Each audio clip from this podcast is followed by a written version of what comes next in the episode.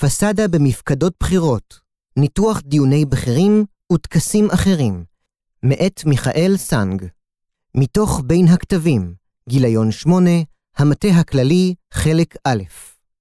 מבוא עבודה זו עוסקת בדפוס שכיח של אינטראקציה במפקדות בחירות בצה"ל, והוא פסאדת ההרמוניה והצייתנות המתקיימת בין מפקדים וקציני מטה לבין מפקדיהם הממונים. פסאדה היא מונח המתאר את הצד החיצוני של מבנה, בדרך כלל החזית. המונח הושאל לתיעול הופעה חיצונית מטעה, ראש שמטעה, גינונים שנועדו להסתיר את האמת, ולצורך זה נעשה בו שימוש שכיח בעברית ובשפות אחרות. הפסאדה במפקדה הבכירה היא האופן שבו נוטים פקודים לצייר היבטים שונים בתמונת המצב הארגונית באופן חיובי יותר מכפי שהם במציאות. הפסאדה מתבטאת בהצגת תמימות דעים רבה מזו המתקיימת במציאות, וקונפורמיות רבה מזו המתקיימת במציאות, כשהמפקד נוכח. יודגש שאין בהצגה זו משום ליקוי בבקרת המציאות של המציירים אותה, אלא ביטוי לשאיפתם להשביע את רצונם של מפקדים בכירים כחלק מכללי ההתנהגות המקובלים במפקדה. חשיבות תיאור הפסאדה וניתוחה נעוצות בכך שהיא משפיעה באופן חד על דפוסי השיח במפקדה הבכירה, לרבות פוטנציאל הלמידה הארגונית העלול להיפגע בעקבותיה. הכל מכירים את הפסאדה, אך ניתן לה ביטוי פורמלי מצומצם ביותר, ולרוב עוסקים בה בשיחות מסדרון בלבד.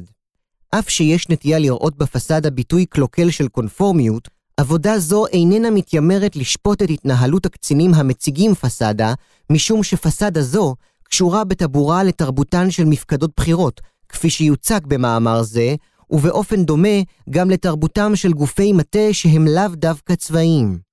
במקום זאת, תבקש העבודה להתחקות אחר הקשר שבין הפסאדה כתופעה לבין רעיונות תרבותיים המאפיינים את המפקדה הבכירה, מתוך אמונה שהבנת הקשר שבין הדברים תאפשר לעוסקים במלאכה לכלכל את צעדיהם תוך מודעות, ולא רק עקב היעתרות לכללי התנהגות בלתי מבוררים. בשלב הראשון אבקש להדגים את הפסאדה באמצעות ציטטות ואנקדוטות שונות שנאספו במסגרת המחקר שביצעתי כחלק מהחובות לקבלת תואר דוקטור.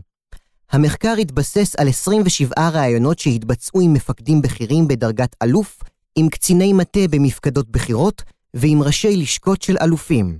בהמשך, אבקש להדגים באמצעות דיוני בכירים כיצד הפסאדה המתקיימת במסגרתם מעידה על הנחות יסוד תרבותיות במפקדה.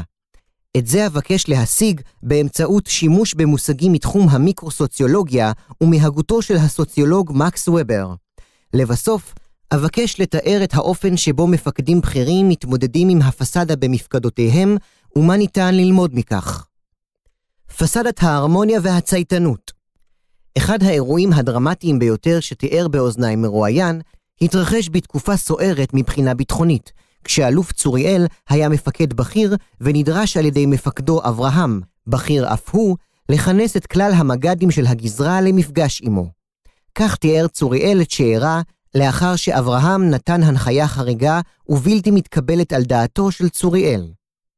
צוריאל, אני מבין שפה זה משהו קטסטרופלי, זה נאמר בפירוש, ואני נותן הנחיה להשאיר את כולם אחרי לכתו של אברהם, ומפרש את אברהם בצורה שונה. אתם לא הורגים, הוא לא התכוון לזה, אלא שנגביר את הפיקוח. נתתי פרשנות אחרת לפקודה המטורפת הזו, ובזה העניין, הורדנו את המג"דים. אני, למה לא אמרת בצורה גלויה בכנס בנוכחות אברהם? צוריאל, האמת שפעם ראשונה שאני חושב על דגל שחור באירוע ההוא, אני יותר ברור לי שזה לחץ של הדרג, הממונה על אברהם. ראיתי את התפקיד שלי בצבא לעשות את הדברים הנכונים, ולא להיות נגד. אז. היום אני אומר אחרת.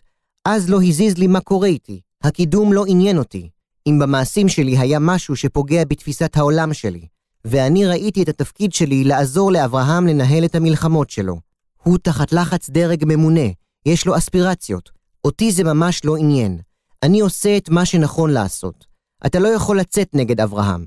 אתה הופך את זה מול המג"דים. אתה לא יכול לעשות פעולה לא חכמה. אני. למה? צוריאל. המשמעות של זה הוא פיצוץ בקנה מידה, ובשורה התחתונה או שיעיפו אותך או את אברהם. זה מימדים מפלצתיים.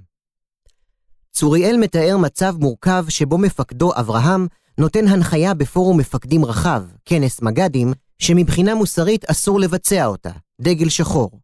בזמן האירוע, צוריאל הוא מפקד בכיר בעצמו, וכפי שהוא מעיד על עצמו, הקידום לא מעניין אותו.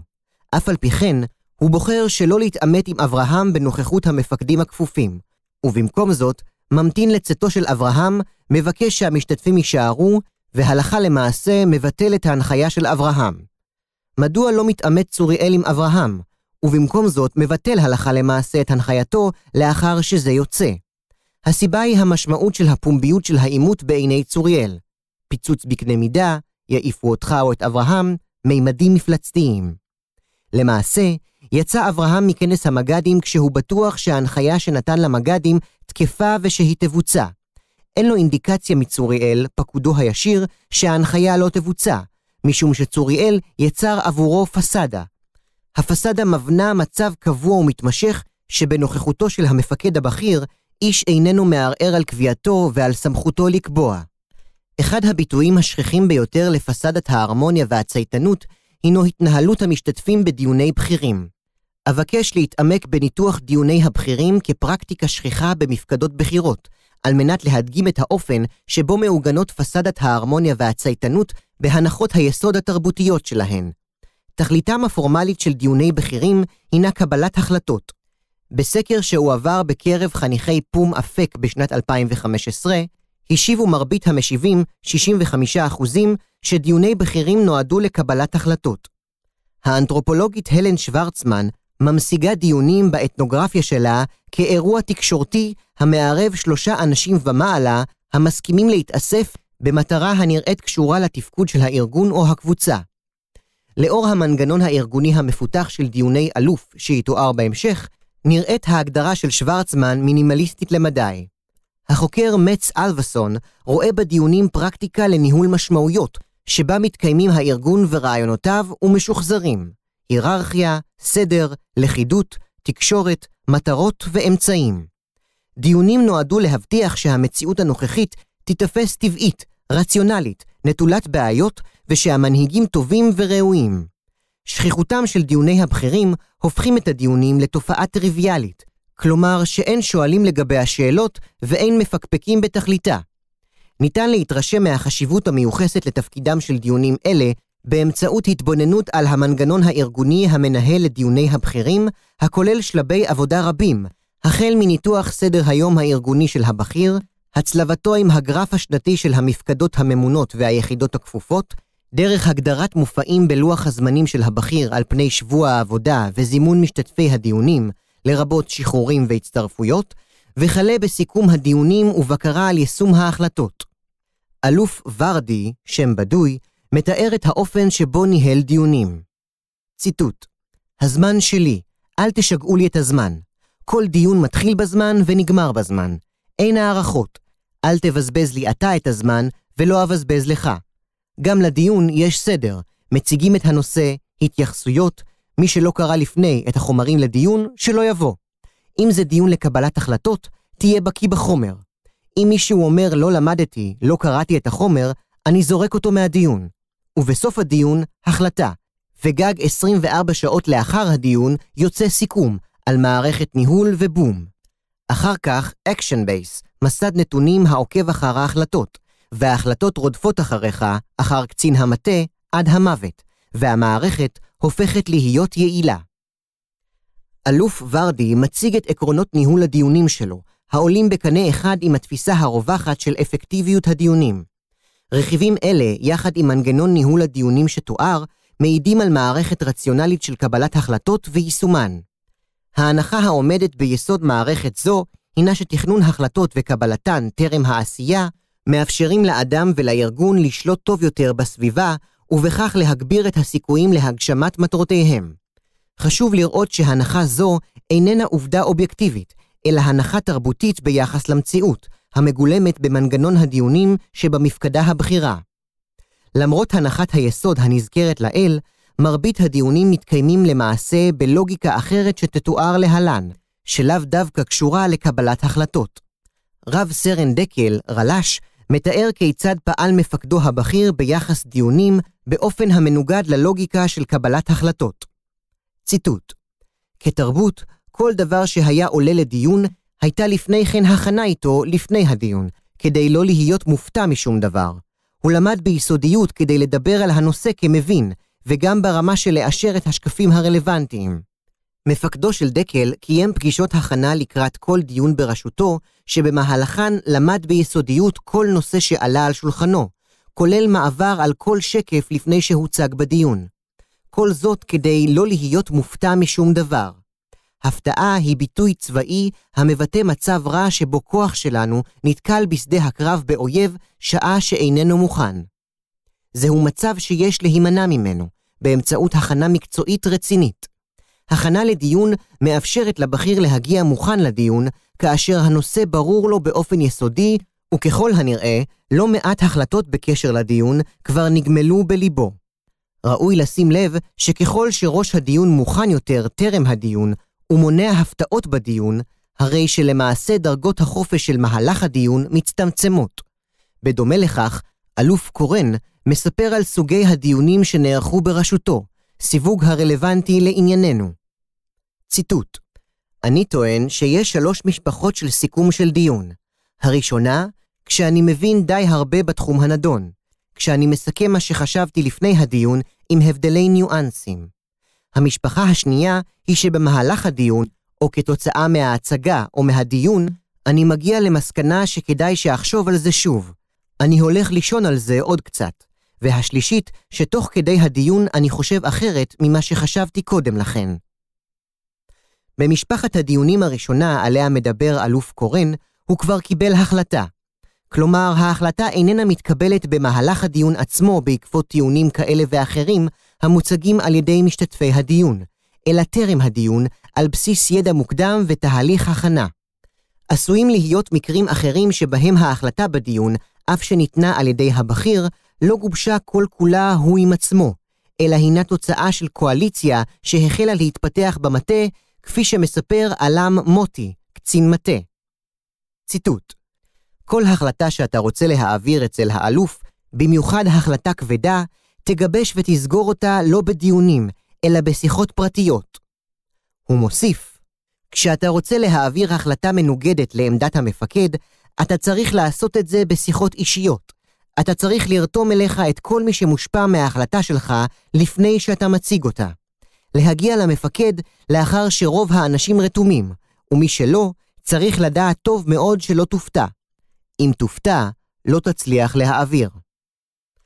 אבקש להציע, אם כן, את ההבחנה בין דיון פתוח, שהוא דיון הבנוי בלוגיקה הרציונלית של איסוף המידע, שקילתו וקבלת החלטות, ושמאופיין במרחב אמיתי של התלבטות בין חלופות, לבין דיון סגור, הבנוי לכאורה בלוגיקה דומה, אך מאופיין בכך שההחלטות כבר התקבלו על ידי הבכיר מראש. מהי, אם כן, תכליתו של הדיון עצמו, במצב שההחלטות לגביו כבר התקבלו על ידי הבכיר מראש. אלוף ירון מציע תכלית לדיון סגור. ציטוט: הדיון הוא הזדמנות לחשוב, ללמוד, להגיע למסקנה, ויש דיונים שהם דיונים שתוצאתם ידועה מראש, אם כי לא עד הסוף, אבל הכיוון הכללי ברור לך, והדיון יותר משמש לשיווק הדבר, לשכנוע. אני אף פעם לא מסכם דיון מבלי לנסות לשכנע. אני מתמודד עם הטיעונים שלהם, של קציני המטה, נותן תשובות, וזה חשוב גם לזה שאנשים יצאו מהדיון ויבצעו את מה שסוכם, או לפחות שיקבלו תשובות. ירון מבחין בין דיונים שהם הזדמנות ללימוד סוגיה לשם קבלת החלטות, לבין דיונים שתוצאתם ידועה מראש, ושתפקידם העיקרי הוא לשכנע את המשתתפים ליישם את ההחלטה. כלומר, תכליתו של דיון סגור היא הגברת הסיכוי שההחלטות שהתקבלו, כאמור, לפני הדיון, תיושמנה הלכה למעשה. דיונים סגורים אינם תופעה נדירה במפקדות בחירות.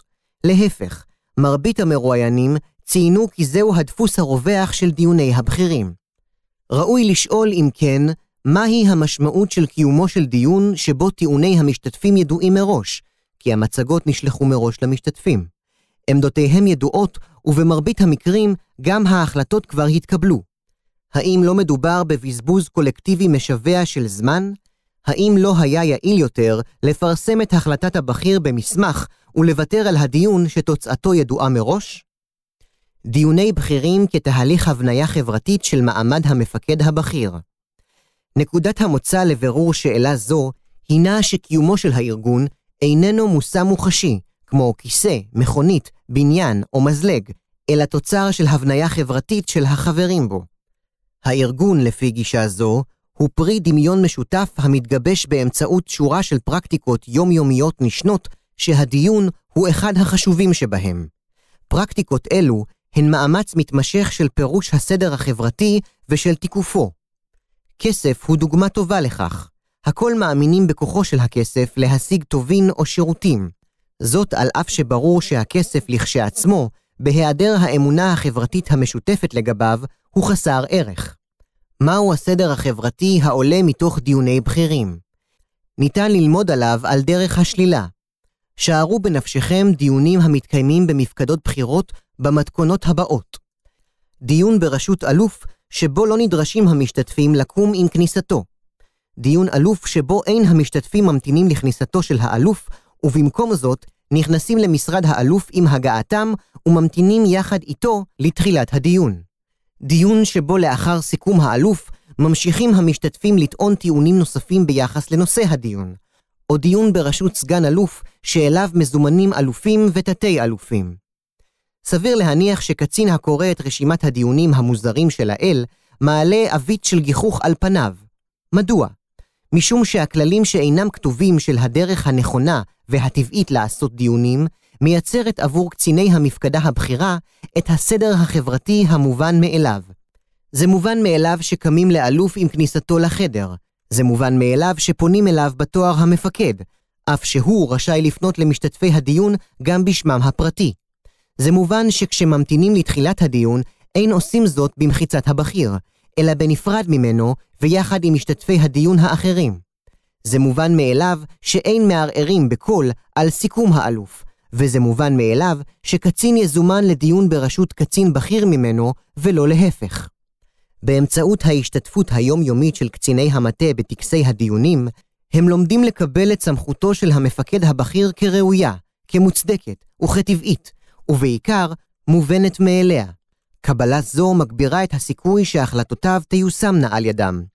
בנוסף, הדיונים מבססים ערכים קולקטיביים חשובים במפקדה הבכירה, כגון היררכיה, רציונליות, שליטה ומשמעת הפעולה, מקצועיות, מיצוי משאבים, למידה ושיפור מתמיד, ועוד.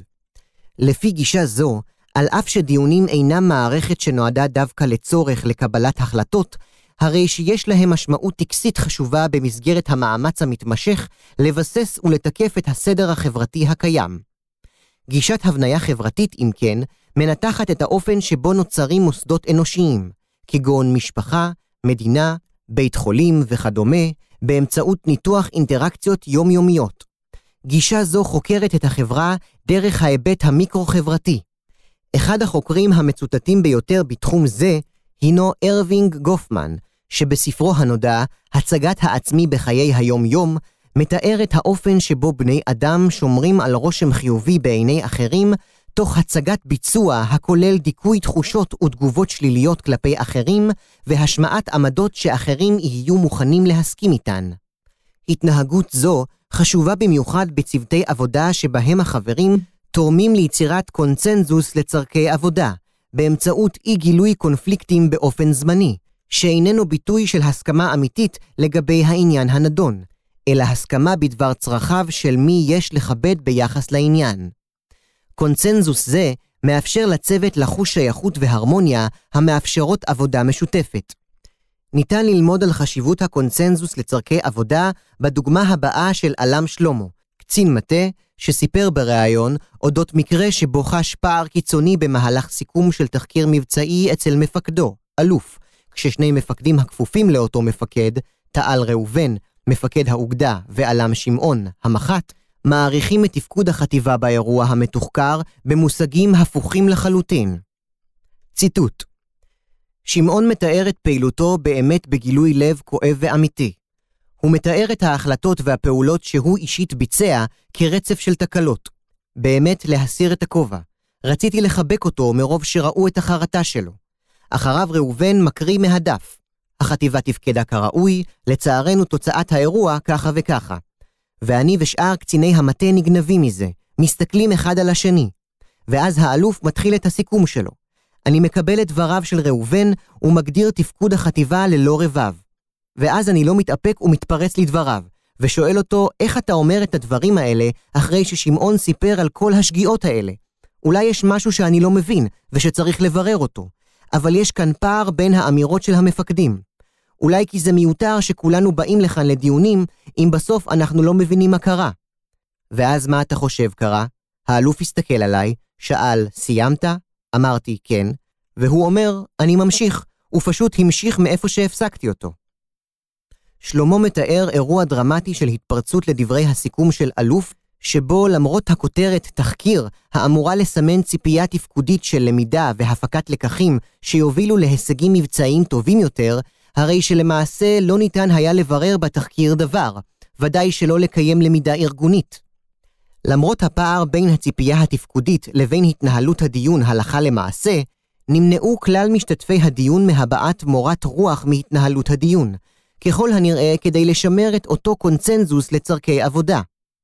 בחירתו של שלמה לעצור את האלוף באמצע סיכומו ולהעיר על הפער, הוא צעד חריג, וכל קצין שהשתתף בדיון בראשות אלוף יוכל להעיד על כך. דווקא התנהלותו החריגה של שלמה מעידה על הכלל הנוהג בדיוני בכירים, והוא שמירה על קונצנזוס לצורכי עבודה, ובמילים אחרות, פסאדה. כריזמה של המשרה ההסבר של גופמן בדבר הצורך לשמר קונצנזוס לצורכי עבודה בין אנשים הוא חשוב, אך לא מספק, משום שהוא איננו מסביר מדוע באופן עקבי הקונצנזוס או מראית העין של הקונצנזוס מתארגנים סביב הכיוונים של המפקד הבכיר. בנוסף, גישתו של גופמן מתקשה להסביר את עוצמת הקונצנזוס המוצג, שתיקה נוכח אי הסכמה בולטת, כמו התנהלות קציני המטה בדוגמה של עלם שלמה שהובאה לאל.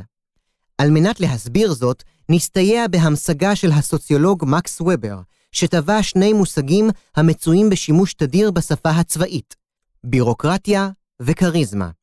לפי ובר, שני המושגים קשורים לאופן שבה מתארגנת סמכות בחברה. הסמכות הרציונלית מתארגנת במבנים בירוקרטיים, שבהם בעלי הסמכות ממונים לאור כישוריהם והכשרתם הפורמלית, ומבצעים תפקידים מוגדרים המצויים במבנה ארגוני היררכי.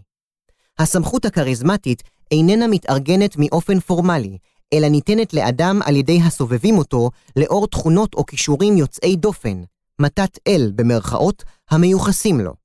יחוסים אלה, בצורתם המובהקת, נוגעים ליכולות על-אנושיות, כמו במקרים של דמויות שיוחס להם קשר עם האל, משה, ישו, מוחמד וכדומה.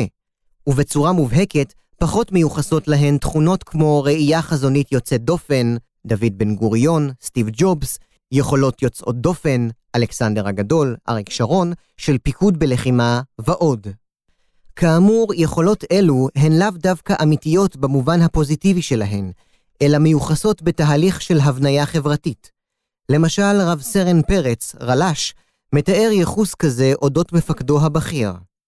ציטוט: המפקדים הבכירים הם אנשים שקור הרוח שלהם הוא אחר. אני זוכר אירועים של קור רוח שאני לא מצפה מאנשים בכלל.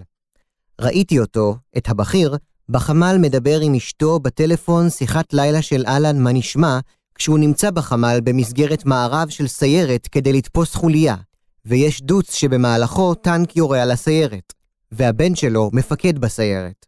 הוא רואה את זה במסכים שבחמ"ל ולא רועד לו הכל. הוא נותן פקודות בקור רוח מקפיא, וכולם מודעים למצב. מבחינתך זה סלע, לא בן אדם. פרץ מתאר מקרה שבעקבותיו הוא ייחס יכולות על-אנושיות למפקדו הבכיר, לא בן אדם. אופיו הלוחם של הצבא הופך אותו לארגון שבו יחוסים כריזמטיים שכיחים למפקדים וללוחמים שתפקדו היטב חרף מוראות הקרב. וובר תיאר את שני סוגי הסמכות, הרציונלית-בירוקרטית והכריזמטית, כשני אבות טיפוס מובחנים ונפרדים. אולם נתן פתח להבנה שבמציאות האנושית עשוי להיות קשר ביניהם. הוא תיאר באמצעות המושג כריזמה של המשרה את השילוב בין השניים, שבו מיוחסות לאדם תכונות או כישורים יוצאי דופן בזכות תפקידם הבירוקרטי. הוא טען שכריזמה של המשרה נוצרת כאשר מנהיג כריזמטי שאיגד סביבו קבוצה של אנשים הולך לעולמו ועולה שאלת הירושה.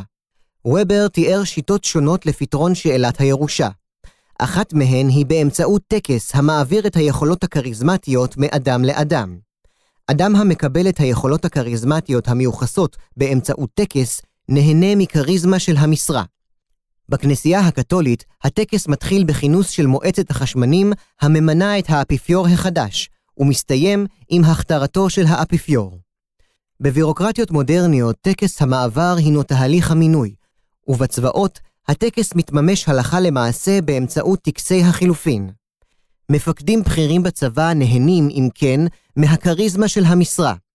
משמעות הדבר היא שסביבתם מייחסת להם יכולות אישיות, כריזמטיות, בזכות העובדה שהם מונו לתפקיד בכיר, סמכות בירוקרטית. אף שוובר תיאר את נסיבות היווצרותה של הכריזמה של המשרה, הוא לא פיתח די את הניתוח המהותי של המושג. הסוציולוג אדוארד שילס ניסה לפתח היבט זה, וטען שעוצמת הכריזמה של המשרה מושפעת ממידת קרבתו של בעל המשרה למרכז הסימבולי של הארגון, או החברה, שבו הוא פועל. מושג זה, המרכז הסימבולי, הינו סדר הסמלים, האמונות והערכים השולט בחברה. זהו המרכז שמשום היותו המוחלט והבלתי ניתן להעמדה על שום דבר זולתו, ובתור כזה, הוא גם נתפס בהרגשת רבים שאינם יכולים לתת ביטוי גלוי להיותו בלתי ניתן לצמצום. המרכז הסימבולי של צבא טמון בשני רעיונות, רעיון הלחימה ורעיון הקידום בסולם הדרגות. שילוב שני הרעיונות מתקיים בליבת הפיקוד הצבאי. מח"ט, לדוגמה, הוא גם לוחם מנוסה וגם קצין שהתקדם לדרגה בכירה.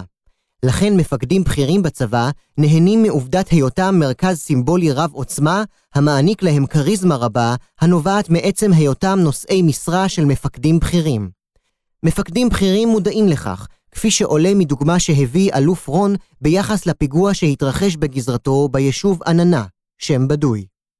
ציטוט: כשהיה הפיגוע בעננה, הדיווח הראשוני היה שיש ילדים ישראלים הרוגים.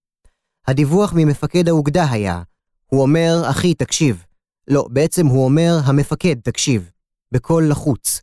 מחבלים מתרוצצים כנראה בשטח, יש ירי על עננה, ואתה, הבכיר, מקבל תמונה שחורה. אני אומר לו, תסגרו את הגבול, שלא יברחו מחבלים. אני מפציץ עם חיל האוויר. עד שמתבהרת התמונה.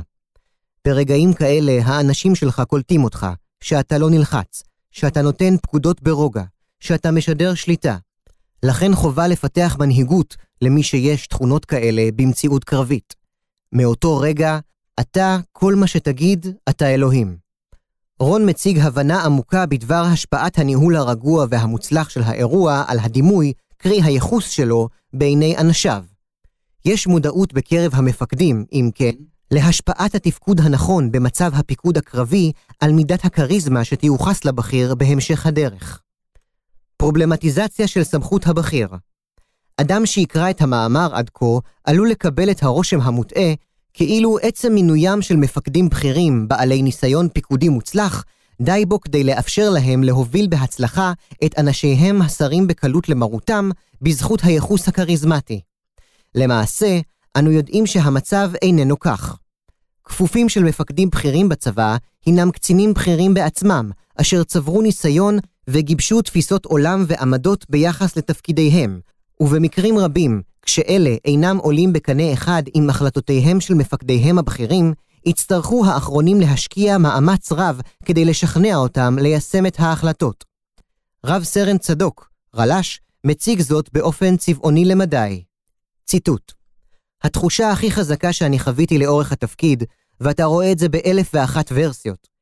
אם הגוף הצבאי שהוטלה עליו משימה לא מאמין בה, היא לא תקרה, ולא משנה מי הנך ומי רצה וכמה הוא ארס.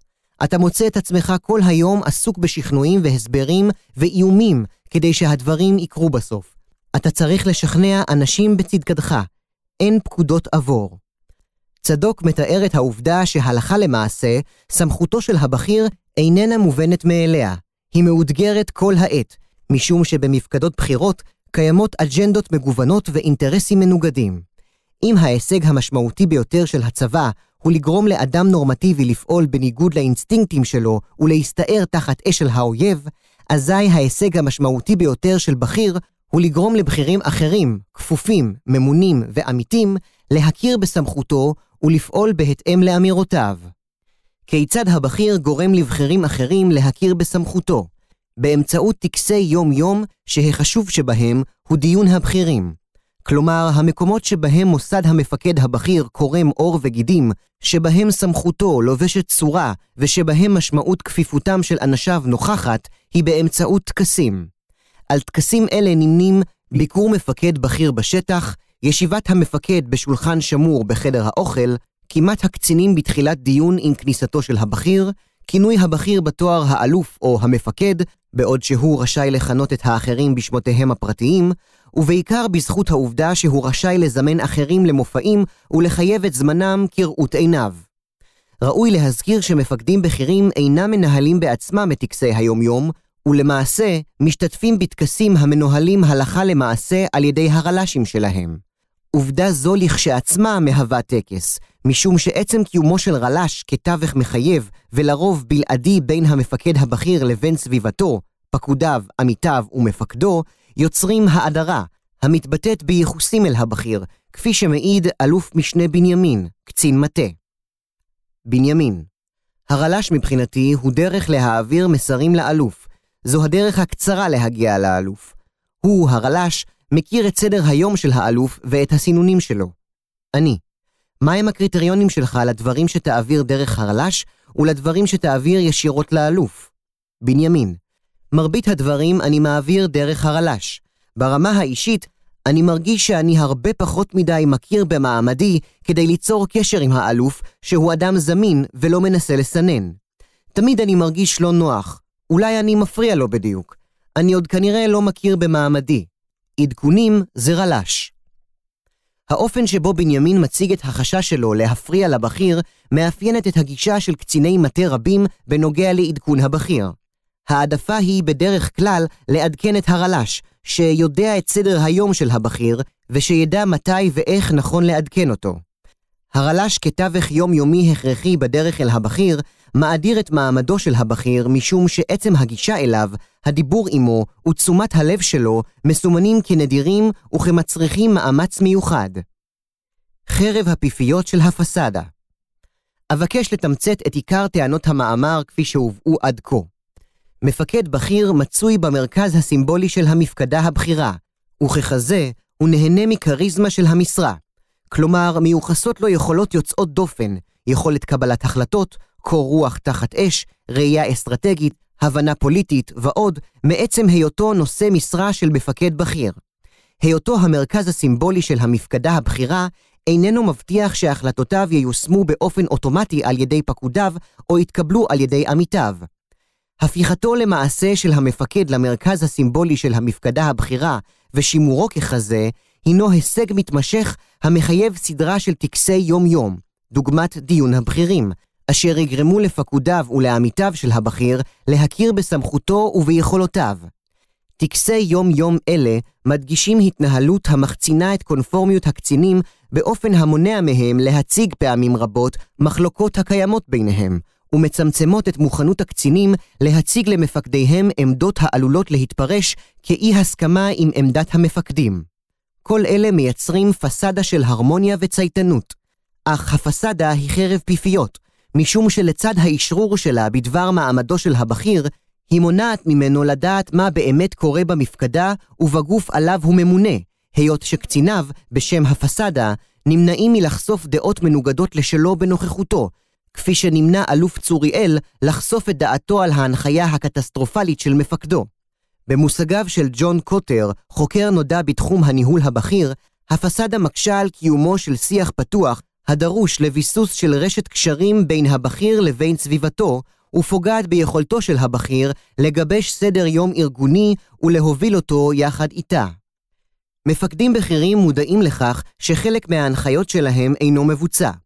מודעות זו מהווה עבור הבכירים חידה, משום שלעולם אינם בטוחים לגמרי שההרמוניה והצייתנות שהם חשים מפקודיהם הן אותנטיות, קרי, הבכיר יודע ומבין את הארגון שלו, או שהן מכסות על היעדר הרמוניה וצייתנות, קרי, פסאדה בלבד. מתוך הראיונות שבוצעו, עלה מגוון רחב דרכי התמודדות של המפקדים הבכירים עם חידת הפסאדה, אשר ניתנות לחלוקה לשני סגנונות מרכזיים, עקיפת פסאדה ופירוק פסאדה. עקיפת הפסאדה היא ניסיון של הבכיר לייצר ערוצי מידע חלופיים לקצינים הכפופים לו המחזיקים את הפסאדה, שיאפשרו לו נקודות מבט נוספות על הארגון. עקיפת הפסאדה מעידה, במידת מה, על קבלת הבכיר את הפסאדה כעובדה שאין עליה עוררין. משמעה של קבלת הפסאדה היא נקיטת עמדה של חוסר אמון ביחס לאנשים הסובבים את הבכיר. לדידו של הבכיר, הפסאדה באה לכסות על אג'נדות נפרדות שיש לקצינים הכפופים, שהם אינם מעוניינים לחלוק עמו מחשש שיבולע להם. למשל, אלוף ורדי מספר על מגוון שיטות שפיתח במטרה לעקוף את הפסאדה.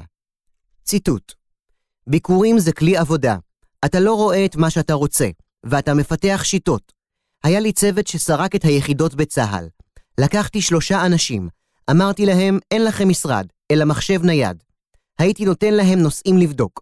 שלושה קצינים בקבע, צוות ביקורות, והם היו כל הזמן מטיילים בצבא, בודקים במטרה לתת תמונת מצב. הבנתי שהמרחק מהשטח הוא אינסופי ברמות האלה. אתה מקבל דיווחים שרוצים שתקבל, ואז אתה דוגם. זה לא הביקור הסטנדרטי, זה או ביקורי פתע, או לשלוח צוות עם מצלמה, ואתה מקבל דיווח כמה יחידות סרקו וכדומה. המטרה של הצוות הייתה לעזור, שיהיה לך מגע, שלא יספרו לך סיפורים. המטה אומר לך הכל פיקס, ואתה רוצה תמונה בלתי אמצעית, או שאתה רואה בעצמך, או שמישהו מצלם עבורך תמונת מצב. והוא, צוות הביקורות, עבד כמה שנים טובות, וגם עשיתי ביקורים לא פורמליים. למשל, יושב במוצב בערב עם החיילים, ושואל אותם איך התאמנו, מה המשימות שלהם. בהתחלה זה תמיד קצת מוזר לחיילים לדבר עם האלוף, ואחרי כמה דקות זה עובר. אני לא בא עם להכות. תמיד זה אני, רל"ש ועוד מישהו. לא סבלתי פמליות, בזבוז זמן, אנשים לא עובדים. ורדי מתאר באופן מוחשי את גישתו. היות שהמטה מעביר דיווחים שרוצים שתקבל, מספרים סיפורים, אומרים שהכל פיקס, למפקד הבכיר אין ברירה אלא ליצור מגע בעצמו עם המציאות כדי לקבל תמונה בלתי אמצעית. הסגנון השני של התמודדות המפקד הבכיר עם חידת הפסאדה היא פירוק הפסאדה. בדומה לגישת עקיפת הפסאדה, גם כאן מבין הבכיר שפסאדה של הרמוניה וצייתנות איננה מציאותית ואיננה משרתת אותו. אולם בניגוד לגישה הראשונה, כאן הבכיר איננו מוכן לקבל את קיום הפסאדה ומנסה להסיר אותה. בדרך זו הוא מאמין שניתן להביא לדיון משותף את האג'נדה שלו יחד עם האג'נדות של קציני המטה, ומתוך התמודדות עם הפערים שוודאי קיימים ביניהן, לייצר אג'נדה משותפת, שתהיה מאוזנת ומדויקת יותר עבור הארגון, בהשוואה לאג'נדה חד-מימדית של מי מממלאי התפקידים. כשנוצרת אג'נדה משותפת, כך מאמין הבכיר, כלל השותפים לה, הבכיר וקציני המטה יחדיו, חשים אחריות עליה ועל הוצאתה לפועל. מפקדים בכירים שסגנון זה מאפיין אותם, משתדלים ליצור עם פקודיהם ועם עמיתים מפגשים שבהם ניתן לדבר בחופשיות. מפקדים אלה מעדיפים דיונים מצומצמים, פגישות עבודה ופגישות אישיות וכדומה, על פני דיונים רבי משתתפים. בנוסף, מפקדים אלה משתדלים ליצור אווירה מאפשרת באמצעות שבירת כללי טקס סטנדרטיים, כגון בחירת מקום ישיבה שאיננו בראש השולחן, יצירת שיח תוך כדי הדיון והימנעות מסדר דוברים וכדומה. אחת השיטות שציינו מפקדים המשתייכים לסגנון זה היא קיומה של סדנה אסטרטגית. סדנה אסטרטגית היא פרקטיקה שבכירים נוהגים לנקוט בדרך כלל בתחילת תפקידם, המאפשרת שיח פתוח בפורום בכיר וגדול דיו כדי להשפיע על גוף גדול. אלוף ירון מספר על סדנה אסטרטגית שביצע בתחילת תפקידו. ציטוט: קודם כל יש חבילה, רעיונות לשינויים, שאתה בא איתה. אחר כך, אם אתה לא טמבל, אתה עושה סדנה אסטרטגית ואתה לומד מה הם, המפקדים והמטה הכפופים אליך, חושבים, כי אתה צריך לרתום אותם. על סמך מה שהבאת ומה שלמדת בסדנה, אתה צריך לגבש את האסטרטגיה כמה שיותר מהר. ירון מתאר את הסדנה האסטרטגית כתהליך המאפשר לו ללמוד את סדר היום של הכפופים לו, וגם לרתום אותם לתהליך השינוי הצפוי.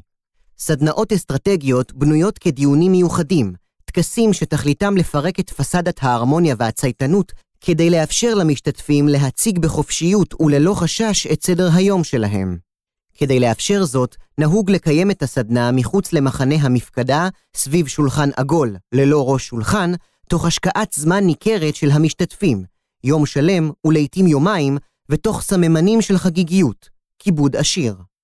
הדיון בנוי כך שמתאפשר זמן רב למשתתפים להתבטא ללא מצע לדיון, בניגוד לנהוג בדיוני אלוף רגילים. אולם בסוף הסדנה מצופה מהבכיר לסכם, כלומר לקבל החלטות אסטרטגיות, ביניהן קביעה מנוסחת של סדר היום המשותף של המפקדה ויחידותיה, במסמך המכונה יעדי הגוף הבכיר, או חזון ויעדי הגוף הבכיר. מסמך זה, שאורכו מוגבל לעמוד אחד, מודפס בעותקים צבעוניים וממוסגרים, ונתלה במשרדיהם ובחדרי הדיונים של הבכיר, מטהו והמפקדים הכפופים לו.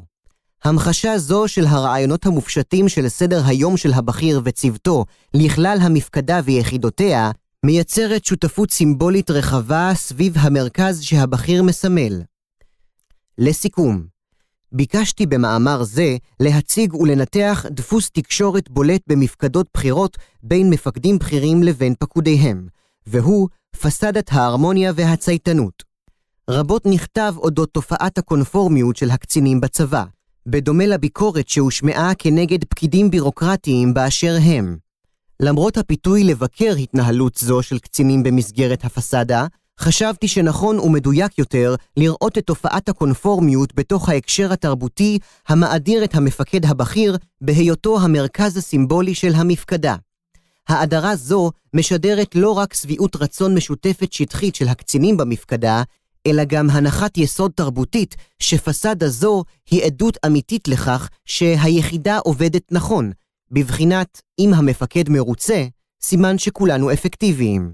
האמירה האחרונה איננה דטרמיניסטית, כלומר, תרבות היא לאו דווקא מבנה עומק שאיננו ניתן לשינוי. תרבות ארגונית היא דבר מתפתח ומשתנה לאורך הזמן ולאור פעולות מודעות של המנהיגות הארגונית הבכירה. מטרתו המוצהרת של המאמר הנוכחי היא להביא אל הקוראים, שרובם שחקנים פעילים ומשפיעים במפקדות הבכירות, את תופעת הפסאדה, על מנת שאלו יוכלו לפעול מתוך מודעות לשורשיה ולאופן השפעתה עליהם, ובכך לבחור היכן לתת לה מקום והיכן לקרוא עליה תיגר. ברמה הקונקרטית, למשל, ניתן לבחור ביחס לאילו סוגיות נכון לזמן דיון רב משתתפים, או לחילופין, דיון בפורום מצומצם. מתי נכון לעודד ויכוח בין משתתפים, ואיך נכון לעשות זאת, ומתי נכון לפעול במסגרת כללי הטקס של הפסאדה. מהו העיתוי המיטבי לקיום סדנה אסטרטגית? מתי נכון להתעקש על עמדה, הגם שזו מנוגדת לעמדת המפקד הבכיר, ועוד נקודות החלטה נוספות הנוגעות לעיצוב דפוסי השיח במפקדה.